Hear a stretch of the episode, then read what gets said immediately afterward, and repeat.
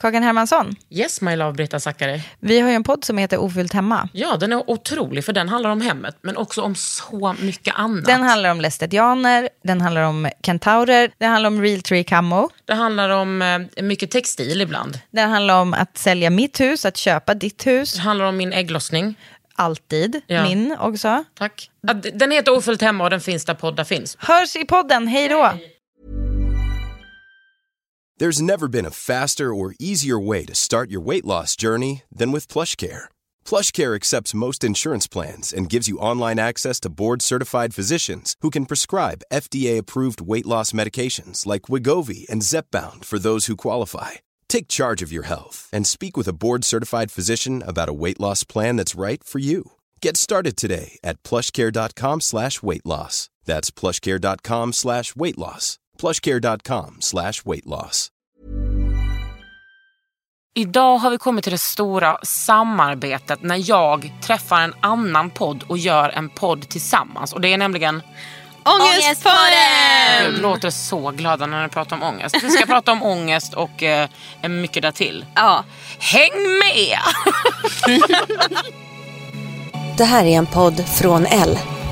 Under huden. Med Kakan Hermansson.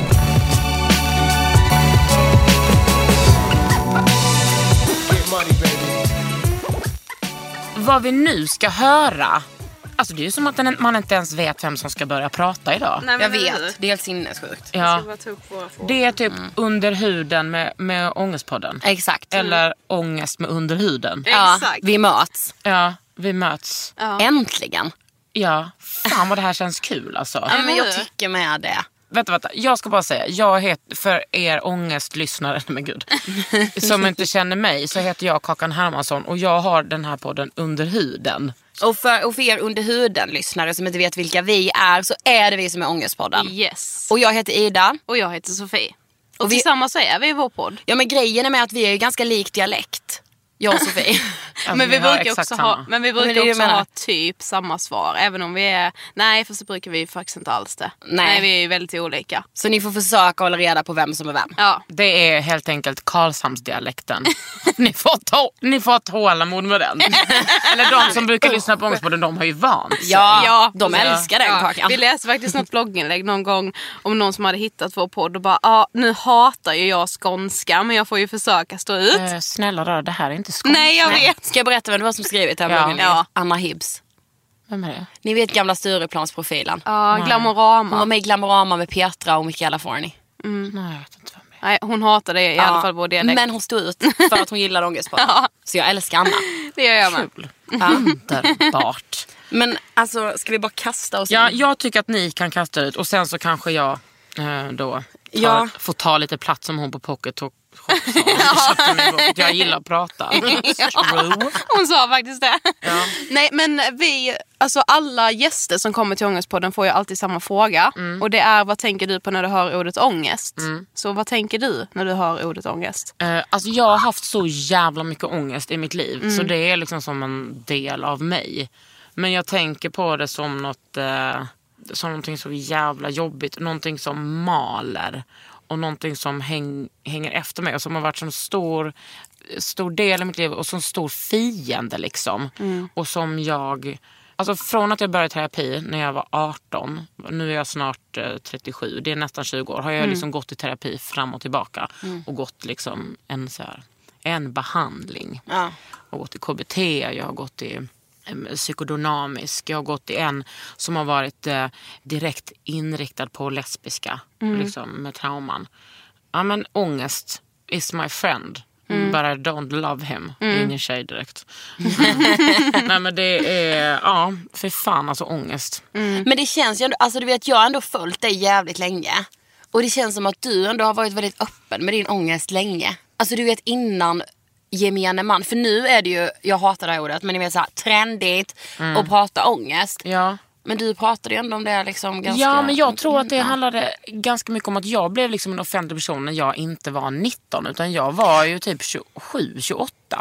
Alltså jag hade ingenting så här och jag har aldrig varit en smal, snygg straight tjej. Alltså jag har blivit popul- populär och inte populär, eller i alla fall en offentlig person på helt andra premisser. Jag har aldrig känt att liksom, det där har gällt för mig. Fattar ni? Att jag måste gå by the books. Utan jag, jag men så, jag, alltså ångest har också varit så närvarande i mitt liv att jag inte har, inte har kunnat prata om det. Liksom. Men det är klart att det är ju, det är lite, alltså man är ju sårbar. Men upplever du, för det har vi känt, alltså många av de som gästar liksom, Ångestpodden och vi själva också när vi öppnar upp oss om saker i podden. Det är oftast när vi har liksom haft ångest över någonting men kommit över det. Det är fortfarande väldigt svårt för oss trots att vi har haft Ångestpodden i tre år att prata om skiten när man är mitt i det. Det är väldigt enkelt att prata om det i efterhand. Att så, ah, även ifall det bara handlar om typ så här, för en månad sedan kände jag så här. Men nu har det gått över typ, så då kan jag prata om det. Alltså jag har ju ångest för nästan aldrig för jobb. Nej. För att jag är skitbra på alla mina jobb. Det är liksom, har jag noll, det är lugnt nästan alltid. Det som jag har ångest för är det som har förföljt mig hela mitt liv och det är att jag tror att, att folk ska dö. Alltså katastroftänket liksom. Och det är det som, det är, det som är mitt stora problem liksom. Att eh, om inte min mamma svarar på sms då tror jag att hon har dött tills hon svarar. Men det har blivit bättre. Hur då? Eh, För Ida har det det var svårt. också Fy fan. terapi. Ja, ja men det Terapi, går terapi, man ju redan terapi. i. Och att jag har skärpt mig själv. Det, ingen annan kan fixa det. Alltså, terapi kan fixa en del. Men att jag har varit så, jag får öva, öva, öva, öva, öva. Eh, min flickvän, är att jag träffade henne var då för typ eh, sex och ett halvt år sedan. Det har spelat jättestor skillnad. För att jag var så här, när vi träffades, jag bara, eh, okej Hanna du förstår kanske att du måste svara när jag ringer för annars får jag ju panikångest. Hon bara, Jaha, nej men alltså jag kan ju inte ta ansvar för din ångest. Nej. Och jag bara, eh, va? Det har ju alla andra i min närhet gjort alltid. Men eh, det var, så här, det var första gången jag jag tänkte nej och jag var så jävla arg på henne. Jag bara, fan kan hon göra så? Och hon är väldigt bra på att ta hand om sig själv på det sättet. Eh, och jag var så nej. Och än fram till idag så, så vet jag kan fortfarande vara jätteorolig men jag vet ju också att hon skiter i liksom. Alltså hon, hon funkar inte så. Men finns det någon anledning till att du har fått den rädslan? Alltså, Ja, ja, ja. ja, ja. Alltså, jag har ju förlorat en jättegod vän när jag var liten. En, alltså mormor och morfar. Två kusiner. Min syster har haft, fått cancer. Och detta hände liksom på... Alltså att min kusin dog på morgonen. Min, min morfar på kvällen. Och min syster hittade sin cancer. Detta hände på samma dag. Alltså det är helt sjukt. Alltså så min moster förlorade sin son och pappa på samma dag. Ja, när vi läste det i din bok. Ja. Vi bara, alltså hur fan det var, är det, det är möjligt? Kennedy typ. Ja. Alltså, det är Ja, ju... alltså, ja. Ja. Men grejen så här, alltså, när man läste din bok också så slås man ju av att du var ju med om väldigt mycket så här, trauman och typ väldigt tragiska händelser så tidigt i livet. Mm. Ja. Alltså hur, alltså hur skulle du beskriva det? Att så här, ja, men du, du skriver själv i boken att så här, du fick se avgrunden typ. Ja, det var ju när min syster var sjuk. Alltså det var ju... Alltså, Det, går är så okontrollerad rädsla. Men då fick jag mina första panikångestattacker. Då fick jag ju alltså att jag hörde röster. Och det kan man ju göra utan att uh, vara schizofren. liksom, Att ha så mycket ångest. Då hörde jag min syster ropa på hjälp. Eh, när hon låg på sjukhuset och jag var hemma. Jag och min pappa var hemma. Ja men det var liksom, fy fan. Alltså det var sån, den ångesten är, jag höll på att säga att jag inte önskar min värsta fiende det men eh, mm, kan man väl göra. Nej, men liksom, det var så, eh, fy fan, vad, alltså den rädslan jag hade då. Och också att det handlar inte om mig själv, det handlar om, om henne. Det handlar om min, att se mina föräldrar så. Att se min lilla syster vara 14 år och vara sjuk. Alltså, det var så jävla hemskt. Och det har ju också gjort att så här, det finns så mycket saker som triggar mig. Och det tycker jag är så intressant generellt med så här, triggervarning. Att man säger så här, triggervarning, nu ska jag prata om detta och detta. Att, alltså, det behöver inte vara de the obvious things som triggar. Det kan vara Nej. en doft eller en, ett ljud eller en filt. Vad som helst liksom, som gör att allting kommer tillbaks. Men visste du att det var panikångest? Nej, nej, nej, nej, nej. Nej. Då trodde jag bara, jag bara, åh gud, nu håller jag på att dö. Mm. Vad jobbigt. Ska jag dö också? eh, och samtidigt som min syster var sjuk så fick jag en njursjukdom. Som heter det sexiga namnet svampnjure. Okej. Va? Aldrig hört om. Nej, inte jag heller. Nej, nej men då, jag jag kissade jättemycket blod. Alltså direkt när hon blev sjuk så började jag kissa. Alltså det var så jävla Ja, sjukt. men- Jag hör att det låter som att jag ljuger men jag ljuger inte. Nej men jag började kissa blod. Uff, och så gick jag, fan. jag cyklade till, eh, alltså varje gång jag kissade blod jag, tänkte jag att det var urinvägsinfektion. Mm. Och jag gick i trean på gymnasiet och liksom vi var, jag spelade handboll i, i Prag. Alltså jag höll ju på väldigt mycket. Och så hittade de bara, ja det är inte en urinvägsinfektion, det är liksom någonting annat. Och då är jag så här, ja jag har fått cancer. Mm, jag Jag har också fått cancer. Ja. Hur fan ska jag säga detta till mina föräldrar? Ska jag berätta för mina föräldrar att jag också har fått cancer? Men det var det inte. Utan efter ett, vi gjorde massa undersökningar. Efter ett halvår så kom de på att det var det här att jag saknade ett citrat i njurarna. Så då började jag äta massa tabletter. Jag typ 12 om dagen. Sen slutade jag bara äta de medicinerna för att jag blev trött på det. Ja. Åh, fy. Ja. Nej men du vet alltså också så här, du växte upp i Lund. Är- Hur stort är Lund? Hur, ehm, Det är ändå ganska stort. ja, det är det. Måste det vara. Om man jämför med Karlshamn. är alltså det- jag tror att när jag växte upp var det 100 000. Nu är det 130 000. ja. Gud ja, vi bara, eh, om man jämför med Karlshamn, typ men det- 30 000. Ja, men det är också för att det är närmare kontinenten och det är ju också alltså, det är ju ett ständigt flöde av Precis. människor. Ja men det är klart eftersom det är studentstad. Men var det härligt, alltså växa upp i så studentstad? Märk, märker man det? Nej. Ja, det Man gör gör det ändå. Det är ju ett myller liksom av, och också att snittåldern sänks ju Jo, jättemycket. Ja men jo men det märkte man ju. Det var ju också alltid så att man bara, jag ska börja gå ut på eh, Alltså man, man kan börja gå ut på liksom klubb på, och vissa så här studentnationer hade ingen, man behövde inte vara student, man kunde bara vara 18 och så kunde man komma in när man var yngre. Liksom. Ja, alltså min pappa är ju akademiker och min mamma är, är arbetare så det var ju liksom jag stod, vi stod ju liksom mitt i det där på något sätt. Eh, både och. Det, vad, vad har ni för klassbakgrunder? Men alltså, mamma och pappa är ju liksom verkligen inte utbildade. De är, mamma har ju så här jobbat med allt möjligt egentligen. Nu jobbar hon på eh, skola på typ så reception och ekonomiavdelning. Eh, och pappa jobbar inom byggvaruhandeln. Min pappa är snickare. Han var så här, den första eh, klassen som gick ut bygg på gymnasieskolan i Karlshamn. Coolt. och då var det bara två år dessutom så jag tror det Ah, kan, det kan vara därför han valde det. Och min mamma har eh, pluggat lite så ekonomi och så. Hon är eh, bokföringsrevisor. Oh, goals och kunna ekonomi. Ja, det kan inte jag. Det inte kan jag säga. Jo men samtidigt så kan ju inte våra föräldrar lära oss. Vi, vi blir bara svinarga. Ja, ja, jag kan inte Vi ta ett instruktion. företag, min mamma skulle sitta där med bokför. Alltså du vet man kokar ju. Ja. Så det gick ju inte. Men alltså man kokar ju nästan alltid med sina föräldrar. Ja, jag vet. Alltså jag övningskörde med min mamma, min pappa inget körkort. Alltså, oh my God. Så ofta jag bara svängde in på en väg. Bara, gick ut mitt i trafiken, bara satte mig längst bak och bara kör då. Som jag ska köra, är så jävla... Fy fan vad jag har varit störig mot min mamma. Ja. men det känns som att det är också något ångestmoment för dig. Ja. Jag tycker att alla borde ha den Jag ångesten. vet, jag- när grejen du beskrev det höll jag fan på att dö. Men ja, alltså det kapitlet Fan i din bok. störd man har varit mot sin morsa. Ja. Jag vet. Eller så här, vad mycket man har Kallat. tagit för givet. Mm. Ja, men kallat dem för saker och så här bett dem hämta någonstans med en jävla kille ute i... Min mamma hämtade aldrig mig så det, var, ja, det det har jag inte. Men. Det kapitlet heter ju varför har, varför har du tvättat min flis typ jävla mamma. Ja. Mm. Alltså det är en sån sak som jag bara, alltså mina föräldrar har uppfostrat mig väl. Mm. Men bara, varför tog jag rätterna? Alltså det var, för er som inte har läst boken, suckers.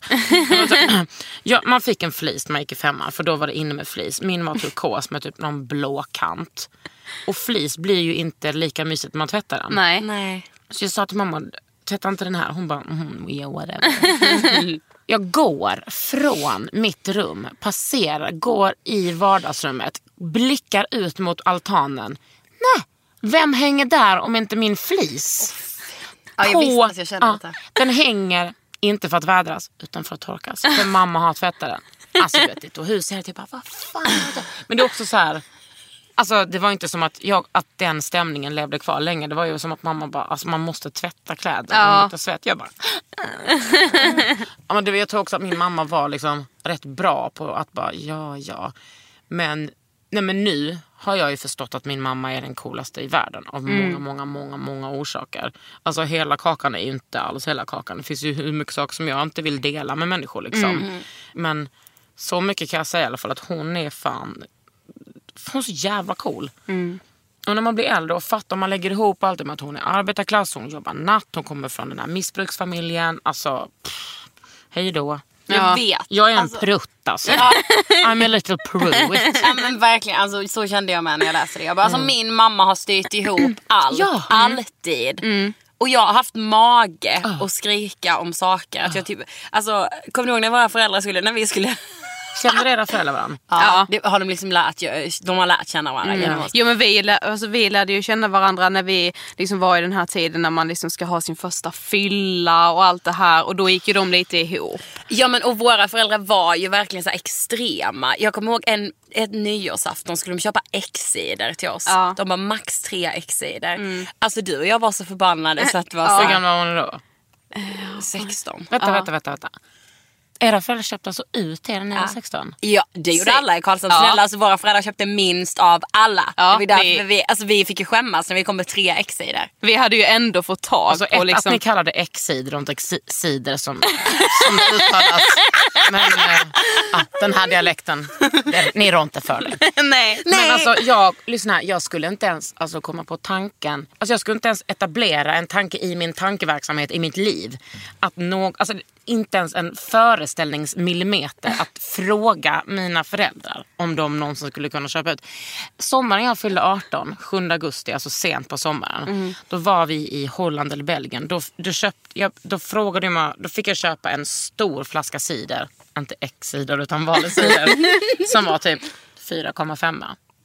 Den fick jag vänta tills jag fyllde Nej. 18 med att dricka. Jo, absolut. Ja men de, alltså, de föll väl Så på något alltså, liksom tryck. torka era tårar. Ja, jo, jag vet. X-cider. Ja, jag vet, alltså verkligen. Men du skriver också i din bok eh, att i skolan så beskriver du dig själv som tjock och högljudd.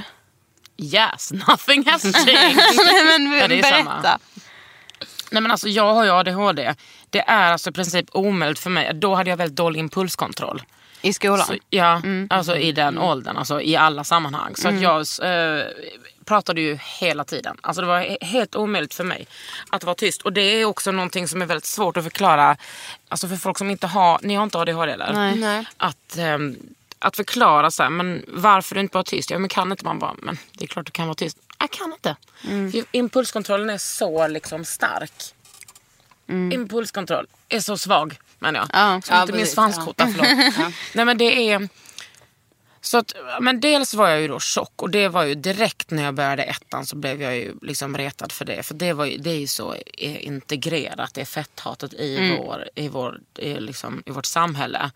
Både av lärare och av studenter, alltså elever och elevers föräldrar. Och liksom, Men lärare var... Absolut. Alltså, det var ju liksom...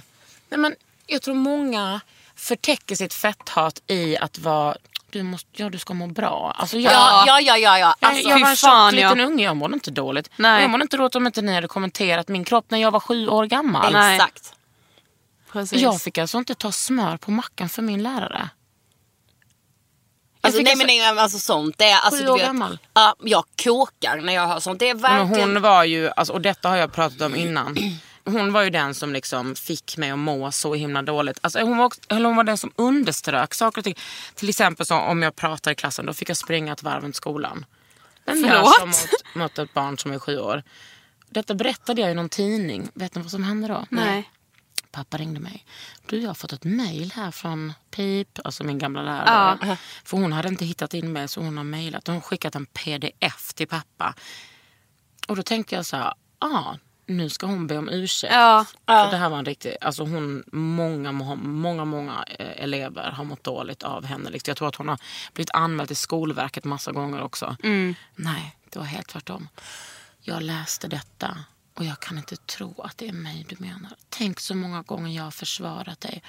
Jag ligger sömnlös. Jag ska åka till Frankrike imorgon men jag ligger sömnlös för jag kan inte, tänk, kan inte förstå att du har skrivit så. Men jag bara, Buhu. vet du hur många gånger jag låg sömnlös när Ja, jag var eller hur? Ja. För att jag var så rädd för jag skulle gå till skolan. Och vad du skulle göra med mig. Fy Alltså jag fick fan. alltså gå ut i regnet ensam när jag var åtta år. Och alla andra barnen fick vara inne på rasten för att jag hade avbrutit. Och kolla på mig när jag var ute. Alltså, nej, Och visst var det så att vid den här tiden så visste du inte heller att du hade ADHD? Nej, det- den diagnosen fick jag när jag var 29. Ja, precis. Men alltså så här, hur... Alltså hur ser man på sig själv? Alltså man måste ju känna sig så himla annorlunda på något Ja, sätt. jag var ett freak. Alltså, Ja. jag, den största känslan, gud jag hoppas typ inte mina föräldrar lyssnar på detta men jag vet att mamma brukar. Alltså den största känslan för mig då var nog alltså, självhat. Alltså det tog Mm. många år innan jag lärde mig att ah, jag är ju grym. Förutom hemma. För att mina föräldrar alltid har uppmuntrat, alltså vi har haft så himla roligt hemma och de har uppmuntrat mig och mina föräldrar, båda mina föräldrar är väldigt intellektuella och smarta. Vi har alltså alltid haft sådana diskussioner hemma.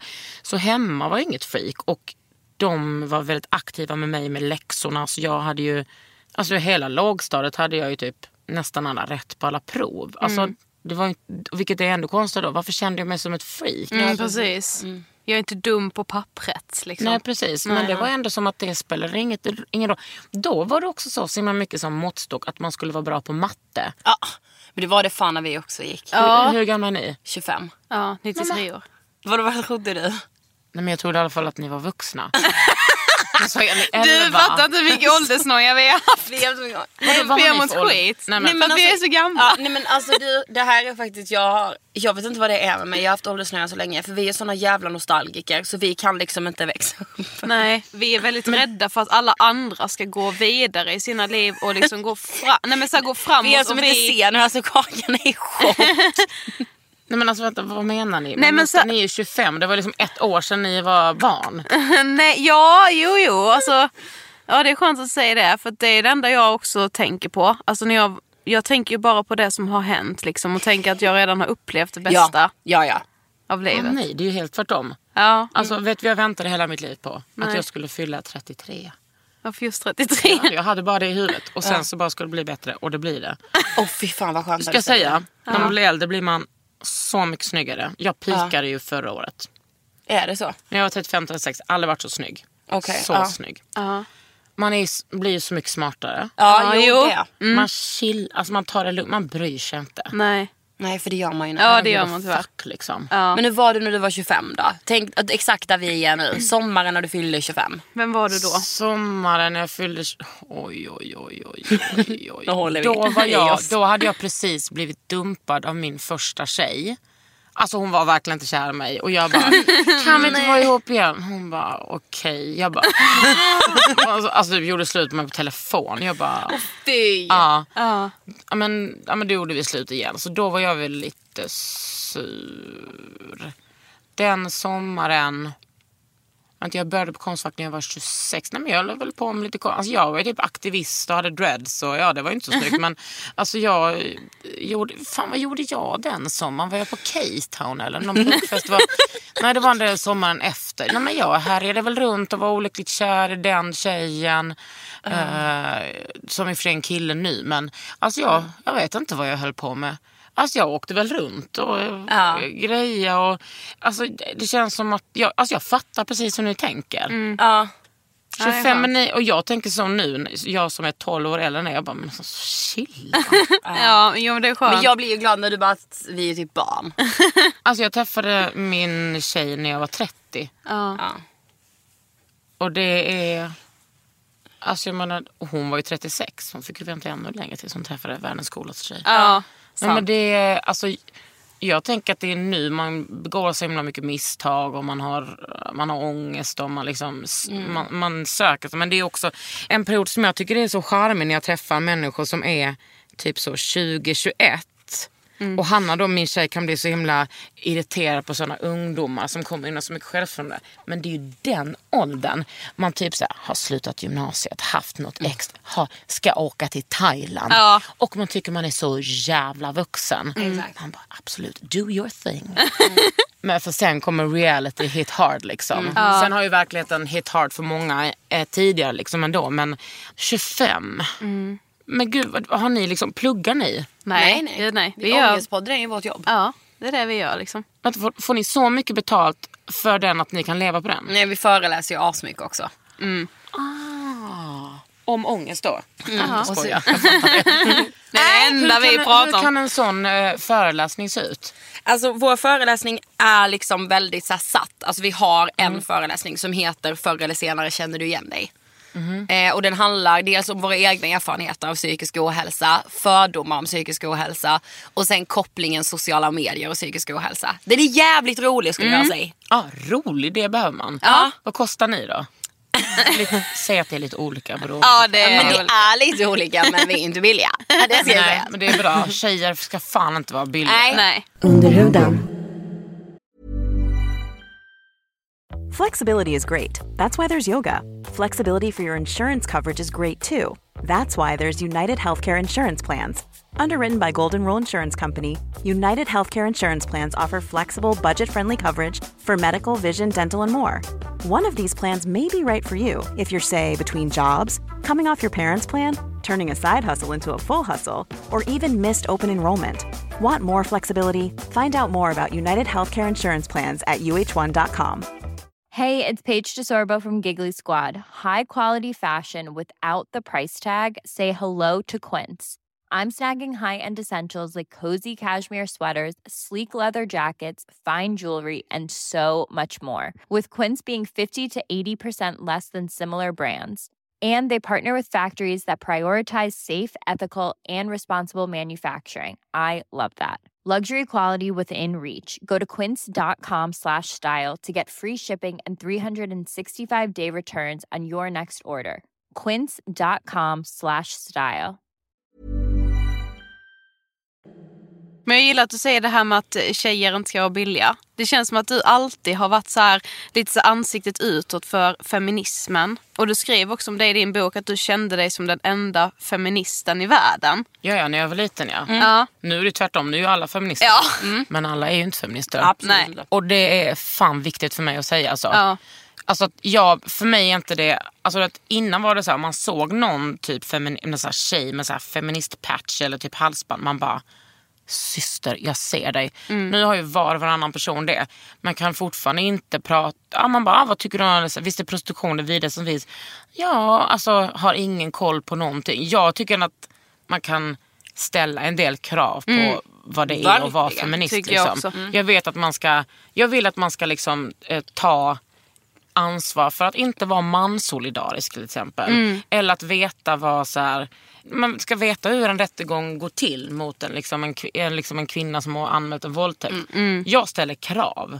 Man kan inte bara laja runt och Nej. säga att man är Göran Persson. Och, Ja, men det är så jävla sant. Nej men det är så sant. Alltså vi har pratat, eh, vi har gjort en serie, eller två serier i Ångestpodden. En om prostitution just och en om porr. Ja. Och det var verkligen jag sån jävla ögonöppnare för oss för att vi fick ju liksom mycket meddelanden då från, från liksom kvinnor som inte kunde förstå riktigt hur vi bara kunde smutskasta på porren. När vi liksom så här bara, ah, men det är så många kvinnor i den branschen som mår så fruktansvärt dåligt. Hur kan För att liksom... ni ska få orgasm. Ja, precis. Men vi har nog aldrig fått så mycket kritik heller som för serien om prostitution. Både från män och kvinnor. Men, så här, men ta med en kvinna som vill sälja sex. Vi bara, men snälla vad är det här att komma med? Är du dum i huvudet? Ja, men hur kan det vara ett argument? Också att killar bara tar med, man bara håll Ja, det, det var det ju såklart. På Twitter var det ju... Nej, Ja. men Twitter, där kan man ju inte vara. Nej men man måste lämna. Det är bara jag lämnade för några år sedan. Ja. Jag sa adjö. Ja. Nej, Twitter är för mig bara, liksom, det är som att bara dyka ner i en pool med troll som bara... Men, så, men hur blev du, för jag vet ju med alltså... Hur blev jag cool? Nej, nej, Ja, ja, men alltså nej men hur introducerades liksom du till feminismen? Jag menar alltså Nej, det. hur gammal var du? Ja, jag menar jag blev Elva. typ feminist. Elva? Ja, så gammal som du är nu. Nej helt seriöst, jag blev typ så feministiskt medveten. Alltså det var ju efter studenten. Ja. Jag har inte varit det länge. nej. Det kan jag ju ärligt säga. Jag har ju liksom, alltså när jag var 11 då. Alltså det var det, var det som var så när man läste din bok. Man bara hur fan kunde du känna så himla medveten och så här. Det enda som var viktigt för mig var ju på något sätt vad killarna tyckte om mig. I skolan och så här. Men då De kan du tänka dig att killarna tyckte inte om mig. Redan. Alltså, jag hade liksom ingenting så här... Alltså de populäraste tjejerna på skolan de blev inte feminister. Det var jag som blev feminist. Och jag hade så kompisar och jag hade också en, ja, men, en i och för sig killkompis. Jag hade en killkompis. Nej, men, eh, det var ju för att jag var konstig liksom. Också för att vi alltid pratade politik hemma. Men vi pratade inte feminism. För min mamma kommer ju från den här 68-rörelsen och hon har, nej, alltså tror hon var med i grupp 8 liksom på en liten kant. Men det var nog inte riktigt hennes, alltså det var inte hennes grej riktigt sådär. Och nu tycker jag att hon verkligen är feminist liksom för att hon på äldre dag har formulerat sig. Men det är ju inte som jag och min syrra. Min syster är ju genusvetare och sjuksköterska. Eh, men och min syster kom ut som feminist mycket senare än jag. Jag, eftersom jag hade så mycket strul i skolan så märkte jag ju att Alltså det var som att jag kalkylerade ihop det själv, smart som jag. Jag bara, det här är ju för att jag är tjej. Ja. Ja. Jag såg att killarna gjorde exakt samma saker och tusen gånger värre. Och ingen sa till dem. Då var det som att jag bara, summa summarum, det är för att jag är tjej. Jag sa det till mina lärare när jag var 11 år. Det, det här gör ju ni bara för att jag är tjej. Och de bara, "Mm, nej, vadå? Nej, det är väl klart det inte är det. Jag bara, well it is. Och sen så hade jag också en, en lärare som jag alltid tjatar om, Maud. Kingen alltså. Ja. Underbar. henne. Ja, alltså, underbar. Så snyggt hår. Hade typ så lite grått, alltså så vågat. Så jävla snygg person. Alltså, hon är så jävla cool. Hon uppmuntrade liksom mig. Hon bara skriver om suffragetterna. Jag bara, vad är suffragetterna? Jag var typ så 14 år och fick läsa om suffragetterna. Och jag var ju väldigt intresserad av klass. Alltså före jag var intresserad av genus var jag intresserad av klass. Och då var jag så här, ah, överklassen bla bla. Men jag kunde liksom inte hålla tillbaks det. För jag tyckte det var så coolt med de här kvinnorna liksom. Och sen har det ju bara, då var jag väldigt ensam i min feminism för det var ju ingen, alltså feminism var ju, det sjuk, alltså det var ju riktigt stört att vara när man var så ung. Ja. Försökte du få med dig då, typ de andra tjejerna i klassen?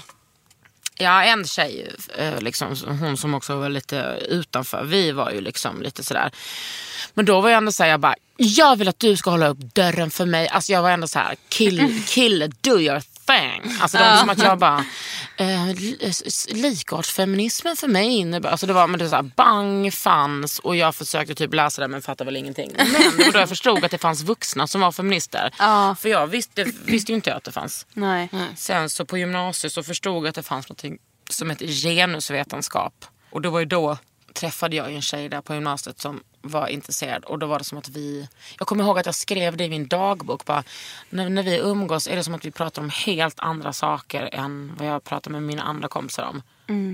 Och det var så jävla grymt. Men det bästa var ju sen när jag började umgås liksom med punkare och andra lesbiska. Att man liksom kunde prata om det där på nej men, 100, gång, 100 timmar om dagen. Ja. Och det är ju fortfarande mitt största intresse. Liksom. Ja, för du, när vi läste det här Ah, i din ja. bok, det Det här här var det mest fick, alltså så här, det var så bra och pricksäkert. Då beskriver du liksom hur vi kvinnor liksom, alltså vi pratar ju om allting. Ja. Vi ältar saker, vi vänder och vreder och vi kanske enligt många så här överanalyserar saker. Men det är ju det som gör att vi lär känna varandra och Ja, oss, och oss själva. själva. Ja, alltså vi bara, ja det är Vi bara- exakt så det är. Ja, alltså jag har aldrig fått det beskrivet för Nej, på det sättet. och Varsågod. Nej, men, ja, och ibland kan jag liksom så här i- ifrågasätta mig själv när vi sitter och gaggar liksom som vi brukar säga att så här, ah, nu är det ju vi som överanalyserar. När det i själva verket är så att vi kvinnor, det är inte överanalys, vi analyserar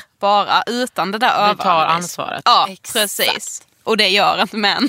Nej, och de får ändå styra världen. Ja. Nej, men så att det känns bra. Det känns säkert det här. Bra idag när jag går hem. När vi har suttit där. Har ni, men vad har ni för ångest då? Snälla, börja inte vara ångest. Startade ni podden för att ni hade ångest? Nej men vi startade podden när jag gick i terapi för panikångest 2014. Boom. Panikångest. Fan vad det är vidrigt. Alltså det är så jävla vidrigt och jag, alltså jag, det har kommit tillbaka till mig lite nu. Ja. Och jag är såhär, ska jag, ska det här vara följeslagare resten av mitt liv? Nej, jag har haft det skitmycket. Jag hade det en gång om dagen när jag flyttade till Stockholm för 15 år sedan. En, och då vet du, det slutade alltid med att jag kräktes. Och fy fan! Vilket i sin då blev jag rädd för att jag skulle utveckla någon slags bulimi. För att Ja. jag visste att om jag kräktes så gick det över. Men jag har lärt mig hantera det. Nu har jag inte så mycket, har inte jag den sortens ångest att jag, att jag får det. Men jag hade faktiskt det enda den här KBT-personen lärde mig var att jag skulle bara tänka så här, ja men kom då. du kommer inte döda mig. Mm. Och det är en fin linje mellan att, för det, det man gör när man får panikångest är nej, nej, nej, nej, nej, nej, nej, nej, nej, nej. Mm. Och att, att kunna tänka så här, nej jag vill inte ha det här, men jag välkomnar dig. Jag vet. Den vidrigaste, vidrigaste känslan i världen. Ja, nej men mycket panikångest då. Men sen har jag haft depression också. Mycket så här. Alltså jag vill liksom inte säga att jag är hypokondriker men jag är, vet ju. några Jo, det är du. Men vi- Vi är som ett gift par. Men Ja. liksom, ja, mycket Men så. vad har du för, eh, eh, vad har du för trauman i livet då? Alltså egentligen har jag väl inga trauman mer än nu. För, alltså för två år sedan tog min faster sitt liv. Det är mitt liksom. Så, och det var ju, alltså, det var ju som min extra mamma liksom. Ja. Och var hon deprimerad? Alltså jag visste ju inte detta så mycket. Vi stod varandra väldigt nära. Ja. Men allt gick så fort. Och det, jag, tror inte, jag tror inte så många vet det om just så här självmord, självmordstankar. Att det kan gå så himla himla fort. Hon Mm. Levde blev hon med typ- någon? Nej, hon, var, hon levde ensam. Eh, Eller de var liksom så här ett tjejgäng typ. Eh, som levde singlar. Reste runt hela världen. Eh, och, sådär, och hon hade precis gått i pension nästan. Men gud. Ja, så det kom som en jävla chock. För typ hela min familj, liksom, för alla runt omkring henne. Men hon hade ha- varit deprimerad Mm. ett tag eller? Ja, och också väldigt, typ, väldigt, väldigt hypokondrisk. Perfekt. Bästa kombon man kan tänka sig. Att hon liksom tog sitt liv, var, det många, var ni förvånade över? Jätte. Alltså verkligen jätte. Några, några av hennes liksom närmaste vänner, de hade ju ändå förstått att hon mådde väldigt dåligt. Men alltså så här, man har ju ingen kunskap idag. Att någon mår väldigt dåligt till att någon tar sitt liv, det tänker man så här, oj det är ett jättesteg. Nej, det Men det är inte ju jag. inte. Nej, men om man inte liksom är någorlunda medveten om det. Eh, så för min familj så kom det verkligen som en chock. Hur har ni bearbetat det i familjen då? Vi pratar mycket om det. Min pappa har fortfarande fått, det var hans eh, syster. Eh. Ja, men min pappa är väldigt bra på käns- alltså, så här, prata känslor. Jag förstod, har aldrig förstått det. Eller när jag var yngre, all, alltså, alla så här, pratade om att ah, men min pappa gråter inte. Och det, är så här, det var därför jag kunde verkligen relatera i din bok när du beskriver din pappa. Ja. Jag bara, det där är fan min pappa, vad sjukt. Eh, för han är väldigt bra på det. Men det här har liksom varit väldigt svårt för honom. Ja, gud. Men säkert också så mycket skuld. Ja, verkligen. Så, Fan, är men så så, blir det ju för alla. Alltså, det har ju jag också haft. Liksom. Du då? Vad har du för trauman? Ja, nej. nej, jag har nog inga trauman så. Alltså, Förutom att ni är kvinnor. ja, precis. Alltså, det är grovt trauma. Ja, det är ett grovt jävla trauma Ja, genom det- hela ens... Ja. Ja det är det. Alltså jag har nog alltid varit en person som inte har haft så jättemycket ångest. Alltså min så här, anledningen till varför jag ville starta Ångestpodden var ju för att jag tycker det är väldigt viktigt att prata om alla runt omkring någon som mår psykiskt dåligt. Eh, att vara anhörig eller liksom ja, men så här, ha en förälder som mår psykiskt dåligt eller som jag har haft liksom väldigt många nära vänner som har mått extremt dåligt. Eh, alltså vår första så här, gemensamma kontakt med psykisk ohälsa var ju redan när vi var 15 för då fick vår bästa kompis bulimi. Och, Lever hon? Ja. Och hon är frisk.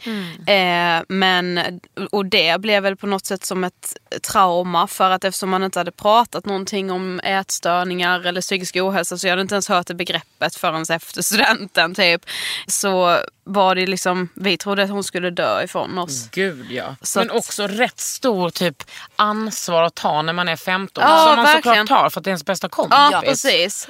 Ett alldeles för stort det- ansvar att ta men det var ju omöjligt att inte ta Var det. det ni som liksom problematiserade och tog henne till sjukhus och sånt eller? Uh, ja, så vi, eh, vi ville ju typ veta allt om hennes ätstörning. Vi var väldigt så här, Gud, alltså, vilka underbara vänner. Ja, men vi var Jo, helt, alltså, ja. Det kan jag tänka själv. det kan jag romantisera. Det tjejgänget vi var då. Ja. Det var jag och Ida och hon som var sjuk då och en tjej till. Vi Ja. var liksom fyra tjejer som gjorde allting tillsammans. Jag har sett bilder på er därifrån. Ja, Ja. precis. Och vi bara, det här, vi måste ju, nu ska vi bli friska här. Alltså lite så var det ju. Ja. Men, Men, vi tog henne till skolsköterskan. ja, vi vi. tvingade Fick henne hon dit. hjälp då? Ja, det fick hon. Det, ja, och det är ju inte så Fan alltså, jag vanligt. älskar skolsköterskor. Fy Ja. fan min skolsköterska har hjälpt mig alltså. Du, De gör så jävla Ja. bra jobb.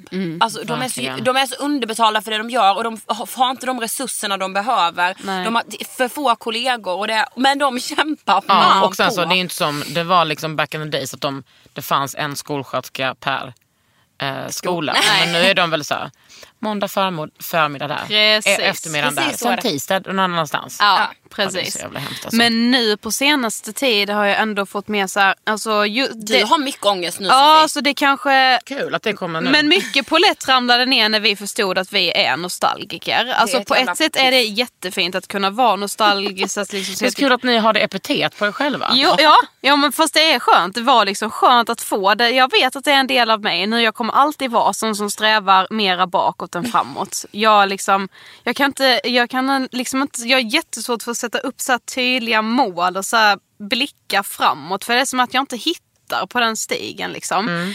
Eh, sen kan jag också vara jätterädd för att eh, bli ensam. Alltså att känna mig ensam även om jag har liksom underbara vänner runt omkring mig. Tack. Har, ja, eh, Du är inte fler. vän, du är till organ. Ja precis, med fler än Ida. Så jag, har jag också varit väldigt rädd för att aldrig liksom få uppleva så här riktig kärlek. Men alltså vem fan har gjort det när man är 25? Alla känns det Nej. som. Jo. Nej. Jo, det är verkligen så. Ja, precis. Ida. Har du någon partner nu? Ja det har jag. Precis, så tror du det känns för mig. Hur är det för dig när ditt eh, liksom, organ har en partner? Ja men det, är ju, alltså, det gör ju är inte så att jag liksom är typ avundsjuk på eh, Idas kille. Liksom. Du bara, alltså, han vill man inte ha. Nej, alltså, nej, nej men Nej, alltså. alltså på honom.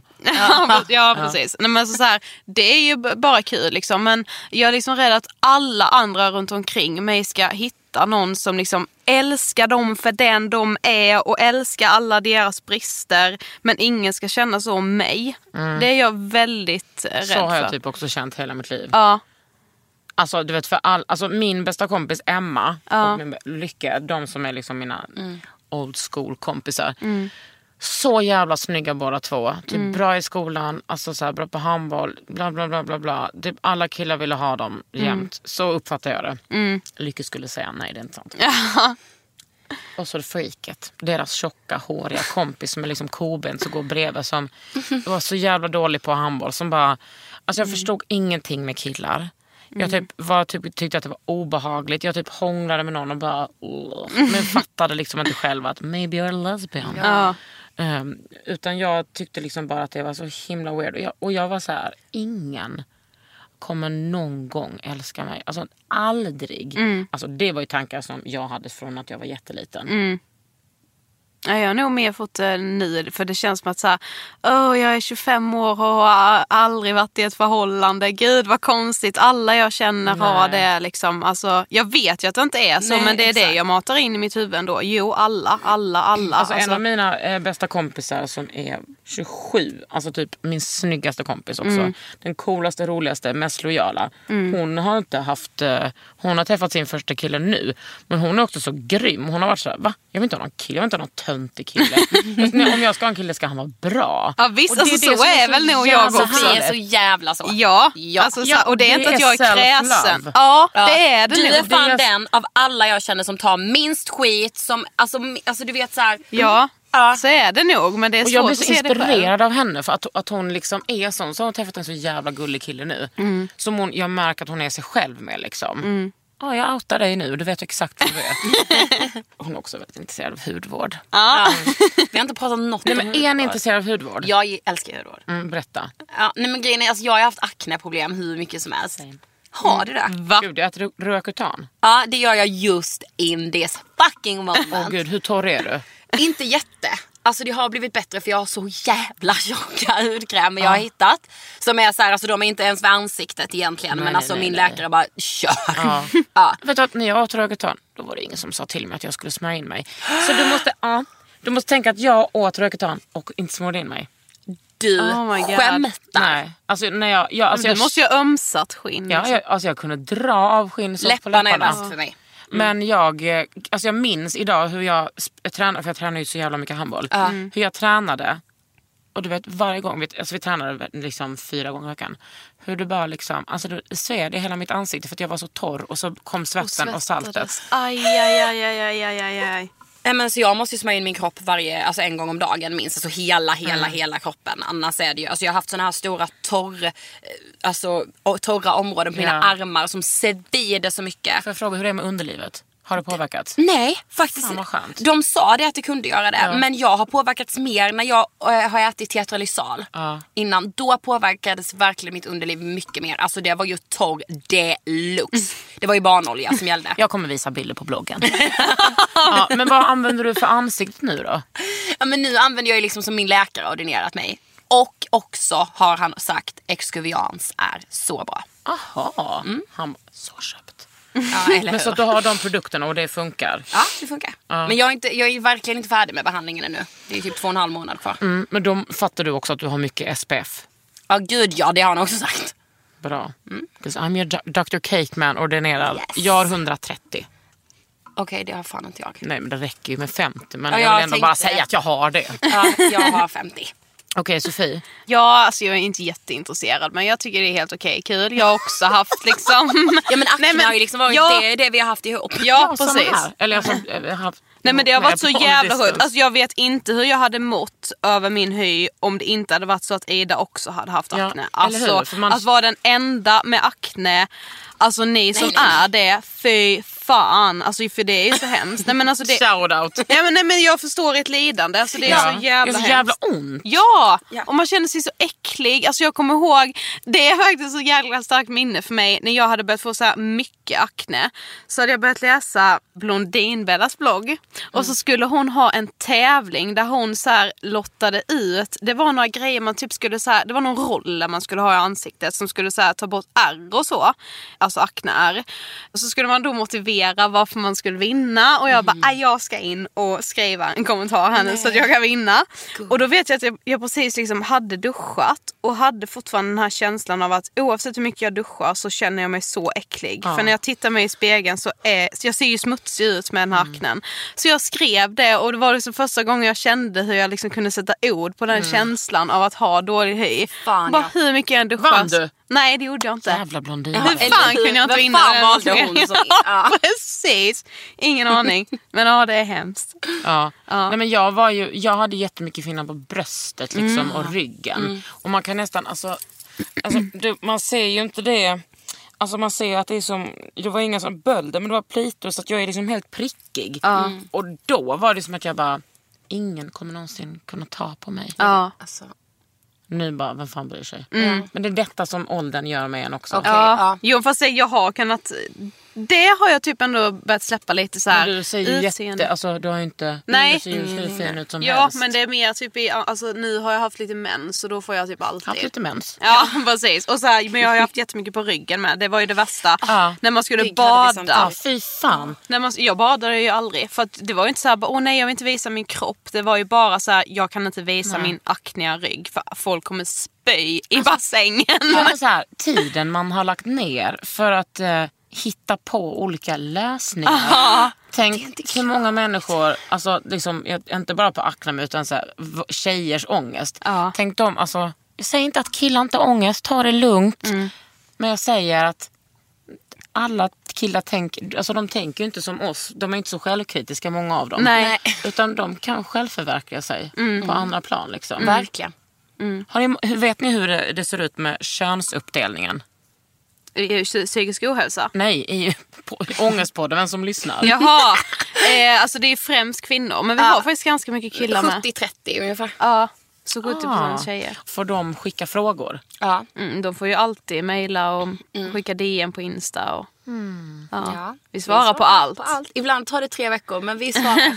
Åh herregud. Ja. Ja, men, så man, men alltså, man skickar iväg ett hjärta åtminstone. Alla får ett svar. Ja, du menar så, jag tror med att ni inte svarar på allting i podden. Jaha, nej, gud. Är du helt Nej. galen? Då hade vi släppt, ja, det är lugnt. Då hade vi släppt ett avsnitt om dagen minst. Ja, men tror ni att liksom folk, att ni är sån en ventil för människor? Eh, ja det tror jag. Vi har fattat typ det i alla fall. Att vi är det på något... Eller så här, vi får ju ofta, när vi väl träffar våra lyssnare någonstans. Så får vi ofta höra att vi verkligen är den här bästa kompisen som lyssnar. Jo det är så sjukt i huvudet alltså. Nej men det är så sjukt De, när de men bara... våra lyssnare med, alltså de är, jag vet fan inte vad det är för jävla klick. Men Nej, de är helt men det är ju jag. sjukt när man liksom, alltså det har ju hänt vissa gånger att, så här, det, såklart mycket enklare för oss att prata om saker som har varit jobbigt men som inte är jobbigt längre. Men vissa gånger har man ju så mycket ångest kanske just den timmen när vi sitter och spelar in ett avsnitt och bara nu måste jag ventilera det här. Det var som någon gång för, alltså det var väl typ ett halvår sedan nu som jag bara så här, alltså idag känner jag bara så här, usch jag känner hur jag inte är en idealtjej. Just den här ensamheten var verkligen så påtaglig den dagen. Jag kommer aldrig träffa någon som tycker om mig för den jag är. För det, det är ju uppenbarligen, måste det vara något fel på mig eftersom jag är still single. Nej men så här, Ja, men det är så sjukt att det är, ska vara normen. Att vara ihop med Ja, någon. precis. Och, så, och då blev jag liksom ledsen när jag sa det och liksom satt och grät lite i podden. Och bara så "Ah, ja men nu släpper jag det här. Eh, vi släpper avsnittet anyway liksom. Eh, och det var så många som skrev till mig den dagen vi hade släppt avsnittet. Bara, alltså idag när du började gråta, du fattar inte hur mycket ord du satte på exakt det jag har känt. Man bara så här, ja det finns ju fler som känner likadant. Alltså, så här, Det är så skönt. Men man ni har, är så jävla avslappnade. ja, Och så är har ni den där det. dialekten också. Då känner man ju liksom sig så hemma. Ja det är kanske det. kan- ja. Nej, men så här, Ja, hade det vi varit stockholmare det var inte, hade inte varit härligt. Nej, Säg inte det sätt. högt. Det är säkert jättemånga stockholmare med ångest som lyssnar. Ja men det är sant. Men jag vet man kanske inte hade tagit oss till sig på samma sätt. Man tycker lite synd om oss. Ja, kan man man det. gör det. Man bara, åh nej, ångest och den där dialekten. Exakt. Jag förstår att ni har ångest. Ja, fan mår Det är klart de ni liksom? två jävla har ångest när det låter hade fa- ja. Men eh, lyssnar era föräldrar på det här? Ja. Eh, ja, det, ja inte de pappa ska jag inte säga lyssnar skitmycket men mamma. Nej, de, de är ganska så, alltså de, lär, de säger att de lär sig så mycket. Säger mina föräldrar. Ja, det är ju coolt. Ja. Men så att, mm, för att återgå till din eh, faster Mm. som gick bort. Poddade du under tiden liksom Mm. du var som mest ledsen då? Ja, det gjorde jag. Har ni tagit upp mycket så här suicidal problems? Inte efter. Jag har typ varit ganska så att jag vill vänta tills jag känner att nu är jag helt redo. Jag är, jag är ganska redo att liksom prata om henne och det som har hänt. Men alltså så här, rent generellt göra typ ett helt avsnitt. Det har jag känt, inte känt mig liksom redo för. Nej. Det är Eh. Mm. så svårt att prata i generella termer om sånt. Alltså. Ja, vi har gjort ett avsnitt med en mamma vars dotter tog sitt liv. Ja. Men du vet, alltså hon är också så otrolig så att Ja, alltså att man lämnar det avsnittet och ändå så här, ja, det går att gå vidare. Nej men alltså. Ja. Hon vann årets mamma på den här mammagalan. Ja, typ Ludmilla. Rosengren heter Ja. hon. Hur gammal var hennes dotter? Eh, hon skulle fylla 15. Idag, skulle hon, när vi poddade här, skulle hon fylla 25. Hon var lika gammal som oss. Så Ja. när, när, vi, hon bara, när vi hade poddat klart, hon bara vänta hur gamla är ni? Vilket år är ni födda? Vi bara eh, 93. Hon bara ja, som Linnea. Ja, och, hon, 15 år när hon tog livet ja. Men det är det som jag, det är det som jag alltid vill liksom säga. Nu är ni ju 25, ni är inte 15. Men alltså när jag, jag hade ju självmordstankar när jag var 11. Att man, tänker, att man, bara, man måste inse att vet du vad, ja, livet är piss ibland men det kan också bli bättre. Ja. Och sen, jag har inte varit ö, utsatt för sexuella övergrepp eller incest eller någonting sånt grovt. Eh, Men jag har ju varit mobbad och haft det för jävligt. Men och jag kan inte prata för dem som har varit utsatta för just den terrorn. Men jag har många kompisar som varit med om det. Och jag tänker att så här, oavsett vad, vad du har varit med om så kan det bli bättre. Liksom. Ja, mm. Det är så viktigt att komma ihåg. Det är ingen bra alternativ att ta livet av sig. Men sen samtidigt så är det ju en sjukdom. Alltså, man blir ju sjuk. Liksom. Och det är ju inte heller att man liksom väljer att göra det. För att i den stunden är det inte ens ett val längre. Nej. Utan det är så, så här, det finns inget annat. Det, såg är bara den mycket. enda ni, vägen. Ni vet folk skulle ju börja skriva debattartiklar efter Aviciis. eh, När det kom fram att det var självmord. Eh, och då såg jag så, så, så många som skrev ah, men han valde det här, han valde det här. Men det, Nej. Men Nu får han valde- äntligen vila. Ja, vadå valde det här? Det är ingen som väljer det. Ingen kommer Nej. någonsin välja det. Men däremot så har den personen inget alternativ. För Nej, sjuk. jag tänker också många som tar livet av sig är personer som man har sett som de mest levande. Ja, precis. Det är... Fy fan. Men viktigt att prata om. Ja, verkligen. Superviktigt. Mm, även om det är svårt så ska man liksom våga göra det. Något Ja. Men jag vill också, jag vill få liksom hudtips. Kan du inte bara ge oss, vad behöver vi? Ni behöver solskydd. Ja men det, Ja, men det det, har faktiskt- vi hört dig säga så mycket. så Och det har jag ju. har ju liksom för två somrar sedan brände jag mig så inåt helvete. Så att jag kommer inte göra om det misstaget. Vadå? Alltså det var ju ja, ansiktet och typ så här bringan liksom. Men ansiktet var ju, jag hade ju så här blåsor på näsan. Jag kunde inte sminka mig den midsommar Nej. för två år sedan för att jag var så bränd i mitt ansikte. Jag var svullen typ. Vad hade du gjort då? Nej, jag hade bara sitt, suttit ute i solen i tre timmar kanske utan någon solskyddsfaktor. Lagt mig där och bara nu jävlar ska jag bli brun inför midsommarafton. Hur tänkte du då? Nej jag tänkte nog inte. Alltså, jag var på mitt favoritställe i, där jag bor och så läst, var det liksom, fick folk skriva såna här lappar på spegeln. Så var det någon som har skrivit så här. Tack vare kakan har jag SPF 50 idag. Jag bara ja. Nej. Alltså jag tror att mitt tjatande har gjort sitt. Ja, Alltså. Ja. nu när du säger det, ja jag har hört. Ja, jo men det har jag. Solskyddsfaktor Ja. jag. Jag tänker att i en rutin, där ska det ingå en rengöring som passar huden. Vad har ni, nu har du ju extremt torr hud. Ja. Vad har du? Men jag, det, alltså det är med så jag vet inte vad jag har, om jag har torr Om eller det nu går så bra för ett företag som ni säger att jag, då har du råd att gå på en, eh, hos en hudterapeut. analys. Ja. Analys. en hudanalys. Analys. Nu drog du på med skånska. Ja. Vår dialekt är svår. Ja det är den. Blekingskan är fan eh, den svåraste jag vet. Ja det är fan det. Det, det är för att den ligger så nära skånskan. Jag är inte ens bra på sån riktig skånska. Men min rengöring är sånt här, eh, vad säger, sånt här vatten. Nej men alltså snälla Sofie. Det ska du ha an, alltså, i din andra rengöring. Först måste du, jag ju att du har foundation. Du måste ju ha någonting som tar bort den. Egentligen kanske du ska ha tre rengöringar först. En som är kanske oljebaserad, tar du bort den med en handduk. Sen någonting mer som är vattenlösligt, typ en gel eller någonting. Sen det där micellärt, vänta, använder du alltså bara micellärt Ja. Och ibland om jag har mycket ögonsmink så tar jag så här, aj, så- sånt som är för just ögonen. Men med vänta, så, så, när du har haft foundation så tar du bara micellärt vatten? Ja, det Och då kan- tror du ja. att du blir ren? Ja. Åh herregud. Men du alltså, nej. Just nu har jag det Ja, sånt precis. vatten. Men Men, det- alltså, det är lite olika. Ibland har jag haft sån här milk. Ja. Det, alltså, jag menar, det där vattnet ska du ha i sista steget när du har rengjort dig. För då ska Det- du ta bort jag det vet det absolut sista Okej. eh, skitet. Liksom. Ja. Sen kanske något serum. Det har jag.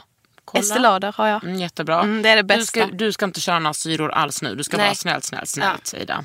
Jag vet. Sofie, Ja. det är sommar. Du ska inte heller ha syror. Men sen till höst kan du börja med lite BHA. Det är Okej, vad är jättebra. det då? det är en syra. Det här rekommenderar jag till alla. Så det är inte samma sak som serum? Syra och serum är inte samma sak? Alltså det kan finnas syra, det är en ingrediens liksom. Det kan finnas syra i serum. Jaha okej. ja. Men när hösten kommer, då skickar du bara ett DM till mig. Jag ska sätta ja, ihop en lista du, du till ska dig. få göra en lista redan nu. Eller, mm, Det ska du få när jag är färdig sen med Ja. min behandling. Jag köpte faktiskt nu i helgen köpte jag så en eh, fuktmask från, eh, vad hette det nu då? Eh, ja, jag vet var inte. Nivea. Nej det var inte Oj, Nivea. Alltså, det var, nej, nej det var ändå något lite finare märke. Som ska vara så jättefukt. För det har jag hört är bra fukt. det är skitbra. Och Ja. den kan du ha... Alltså, de flesta fuktmasker kan man ju ha över natten. Så Det att man, hade jag. Att man smörjer in dem som en eh, ansiktskräm Ja, bara. precis. Som en nattkräm typ. Och sen så, någonting som gör stor skillnad det är att du tvättar dig på morgonen också. Det måste jag göra, jag får panik annars. Jag måste det. Och, Men, men alltså nu ska jag inte så här hålla på med märken och grejer. men det, alltså, det här är inte Sveriges Radio gumman. Vad fan tror du vi pratar om? Det är en hudvårdspodd. Ja, Okej men det var Men alltså du vet så här. Min mamma, hennes, hon är 61. Hennes hud är, alltså hon har nästan inte en rynka. Nej. Alltså du vet Hon ju. Jag ska hon visa rökt? dig en bild. Nej det har hon Nej, inte. det- Hon, hon har inte rökt. Och Men det hon gör har ju inte vi heller, så Hon vi har ju har ju- använt Excuvians nästan he- halva sitt liv. Det är så roligt att alla säger exkuvians. Det heter ju bara det heter ju exuvians. Excuvians heter Ja. det där. Aha. exkuvians. Jag. Ja, det, det är dialekten igen. Ja. Nej men alltså ni vet, hennes hud strålar. Det är det sjukaste. Är det kärleken hon lever i eller? Ja det kan det vara hon och pappa, gud ja. Nu är de nykära sen jag flyttade ut. Ja, Skönt. så är det. Men alltså ja, jag, rengöring och fukt och fukt och fukt och fukt. Alltså många har ju torrhetslinjer och tror att det är rynkor. De försvinner. Och sen så en sak som inte är dum. Det är att fukten och fetten kommer inifrån. Ös på lite extra olja. Blanda i lite mer avokadoolja typ i eh, salladen. I, I Sverige är ju tjejer generellt väldigt rädda för fett liksom.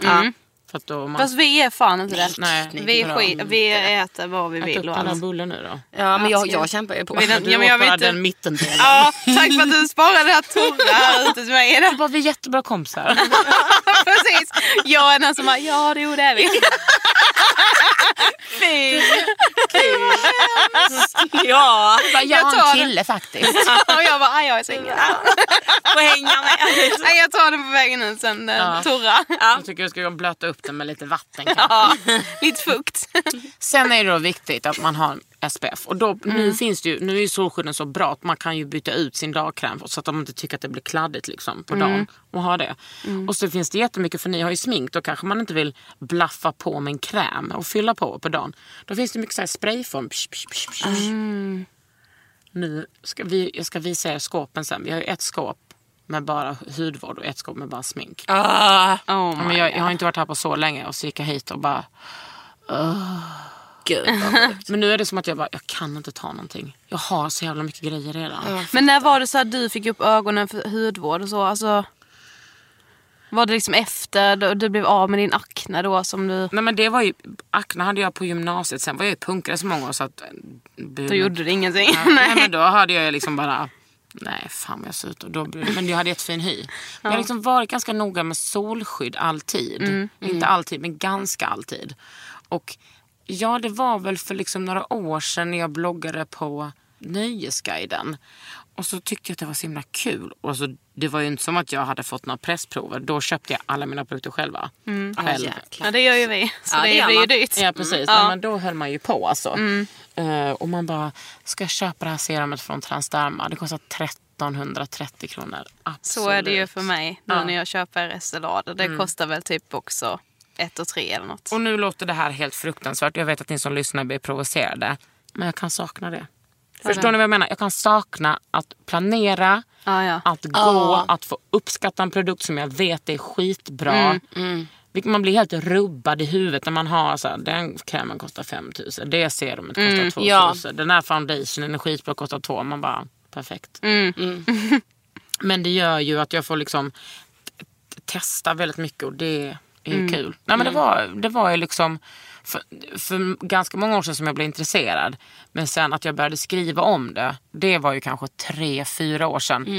Men sen förstod jag ju, och det är fortfarande så, jag är, tröttnar ju inte på att skriva om det. Nej. Och för varje fråga, alltså, eller inte varje men varannan fråga som, som mina läsare ställer måste jag ju läsa på med. Så jag lär ju mig skitmycket av liksom läsarna och lyssnarnas frågor. Och de är så jävla engagerade. Ja. och det är fattar det. Ja, Men jag, det har exploderat med det här intresset. Ja, för Alltså- att nu håller alla på med det här med sheet masks. Alla lägger upp... så underbart. Ja. vad, eller vad heter det då? ja, det heter det. Nej, men, Jo men alltså det är så fint. ja, men, Ja. Men Att du, så, det är det som fick det att explodera. ja, det är det ju. ja men det är typ det. Ja, tror jag. är men det alltså, så? att det, Alla det är så tillgängligt det. och att det ser kul ut på Insta. Typ. Ja, precis. Det är det. men alla lägger upp det. Jag har jag inte tålamod för sheetmask längre. Men Vad- vad, är det aldrig då? gjort det. Nej, inte jag heller. Det är typ att, eh, alltså en sån eh, liksom pappers eller Ja, tygark med indränkt i något serum eller något. Ja. Jo, men sen- hjälper det då? Eller är det lite så här... Ja, det ger ju väldigt, oftast ger det ju väldigt mycket fukt. Det är de, det, men, eller liksom, ah, de är ju preppade med olika saker. Ja, Ja, ja. jag tycker det är skönt. Men nu har jag inte tålamod. Jag vill att, att, det- vill att saker och ting ska gå snabbt. Så då kör jag någon sån ps, två minuter som svider jävligt mycket. Sen så på med någon kanske fuktmask som jag sover med. Ja. Jag kanske ska gå och köpa en sån här efter. Ja, eller? För jag köper Vi kan mina se grejer. vad som finns i skåpet. Okej, nej men du Ja. kan köpa så kan jag och Sofie gå och kolla. Ja, just så kan vi säga. Ja, du har en pojkvän, du får faktiskt vara nöjd med det. Precis. Jag ska på dejt ikväll så jag behöver Gud, kanske lite okej, extra vi måste prata om den här Nej, dejten. Jo, ska vi det inte måste göra. vi, Sofie. Nej, absolut inte. Nej! Kan- När kommer man få reda på sa hur till det är? mig, sån sa till mig nu skulle jag äta. Alltså Ida, ska jag gå på den här Ja, men jag dejten? hatar Jag bara, dejter. ja. Ja, ja, jag ja, ja. Nu är det dags. Och det här är en kille, de har snackat, gan- nu ber- börjar jag berätta. Ja. Snälla Klipp nej. inte bort det här. Jo, gör det. Nej, nej men så här, då, då, ni har ändå snackat nu ett tag på Tinder och han har varit återkommande. Och det, eh, jag tror du har visat bild tre gånger för mig. Okej, ja. Ja. Så då känner jag ändå så här, mm, mm. Nej men jag, jag, jag måste utsätta mig för Men sånt här vad, som är ja jobbigt. precis. jag Vad ni tycker det är inte ska skitjobbigt. göra är att träffas på en plats och sätta er ner. Nej. Utan ni ska träffas så kan ni gå lite för att då får man någonting att prata om. Ja. Det är fruktansvärt att bara sätta sig och bara, hur är läget? Ja, vi fan. Oh. Vad ska Ja. ni göra? Nej, det har vi inte sagt. Vi sa Men vi snälla, sen. klockan är kvällen. Nej! Den är bara eh, 24. Det är ju fredag, herregud ni kan ju dricka alkohol. Ja men, Det Ja. ska, ja men öl har jag redan sagt. Det måste... jag blir så nervös nej. nu. Ja men tyst! Det Ni kommer ska gå, inte ens nej, det kommer gå jätte, jättebra. er Vad sa du? Nej men jag kanske kommer följa efter dig. Nej men så fin! Här kommer jag med en liten sheetmask. Har ni hört talas om det? Åh, Gud. Det var ju det som fick hela hudvårdsindustrin att explodera. Har ni några fler frågor? Har jag några fler frågor? Ja, vi har ju alltså- vår standardfråga. Bara. Ja, alltså den här måste vi ställa. Ja. Vad inspirerar dig? Ja, det är faktiskt eh, kvinnor. Mm. Kvinnor, också de som inte är något specifikt kön kanske. Ja, vissa, jag gillar ju vissa killar också. Mm. Jag tycker att, eh, ja men så här, jag har många kompisar som inspirerar mig. Mm. Jag inspireras väldigt mycket av Ami och Fanna. Alltså, de som har raserier. Mm. Alltså du vet det är som att jag bara, vem fan är ni? Mm. Alltså jag inspireras så mycket av, av mina kompisar. Amelie inspireras jag liksom av, ja men otroligt mycket av min mamma. Jag tror aldrig hon kommer fatta liksom det. Det spelar ingen roll hur många gånger jag säger det till henne. Alltså hon, av min syrra, oh my god. Henne ska jag försöka ha med i podden. Hon är ju liksom, där har vi att snacka. Ja. Det skulle jag säga och det är en liksom kanske ett tråkigt svar men jag har liksom alltid inspirerat, alltså du vet så när jag gick på Konstfack fem år så bara vad inspireras du av? Alla bara blub blub blub blub den här konsten. Jag bara, jag gillar Spice Girls och Alia och eh, Mary J Blige. Alltså jag har liksom alltid gillat så här coola tjejer och politiska tjejer. Ni då? Det där är så jävla... Vi, ställer den till alla våra gäster. ja men så här, jag, jag, Ni har aldrig fått motfrågan? Nej men jag blir, Jo, jo, det har vi men det, det känns som att det ändras hela tiden vad jag inspireras av. Men så, jag kan ändå bli inspirerad av ångest på något sätt. Eller så samtalet om ångest. Det är fan in- Ja, intressant. jag älskar det. Ja. Att Jag ta det på älskar oss. er. Jag älskar dig med. Ja, men alltså, vi älskar dig bortom allt. Nej men jag blir nog också inspirerad. Alltså ni vet att det låter så jävla klyschigt. Men alla som går utanför den berömda jävla boxen och vågar vara där bara. Som stannar där. Och bara nu, nu gör vi det Som här. kliver ut och aldrig går in igen. Ja Lite exakt. så. Gå Precis. inte in i den När man igen. kanske nosar på att gå in. Ibland måste man kanske gå in för att hämta kraft. Sen Det, är så bara- kan det vara. Sen, Sen är springa det ut igen. Ja. ja. Men stan, bli inte trygg i den. Nej. Nej. Tack så jättemycket för att du ville gästa Ångestpodden. Tack för att ni ville gästa under huden. Oh my god. Jag tror Vi har lyssnat på Under huden och Ångestpodden. Ångestpodden med mig Kakan Hermansson och Ida. Ida och Sofie. fan vad vi är bra. Vilket otroligt avsnitt. Ja. Ja. Hej då. Hej då! Under huden med Kakan Hermansson. En podd från L.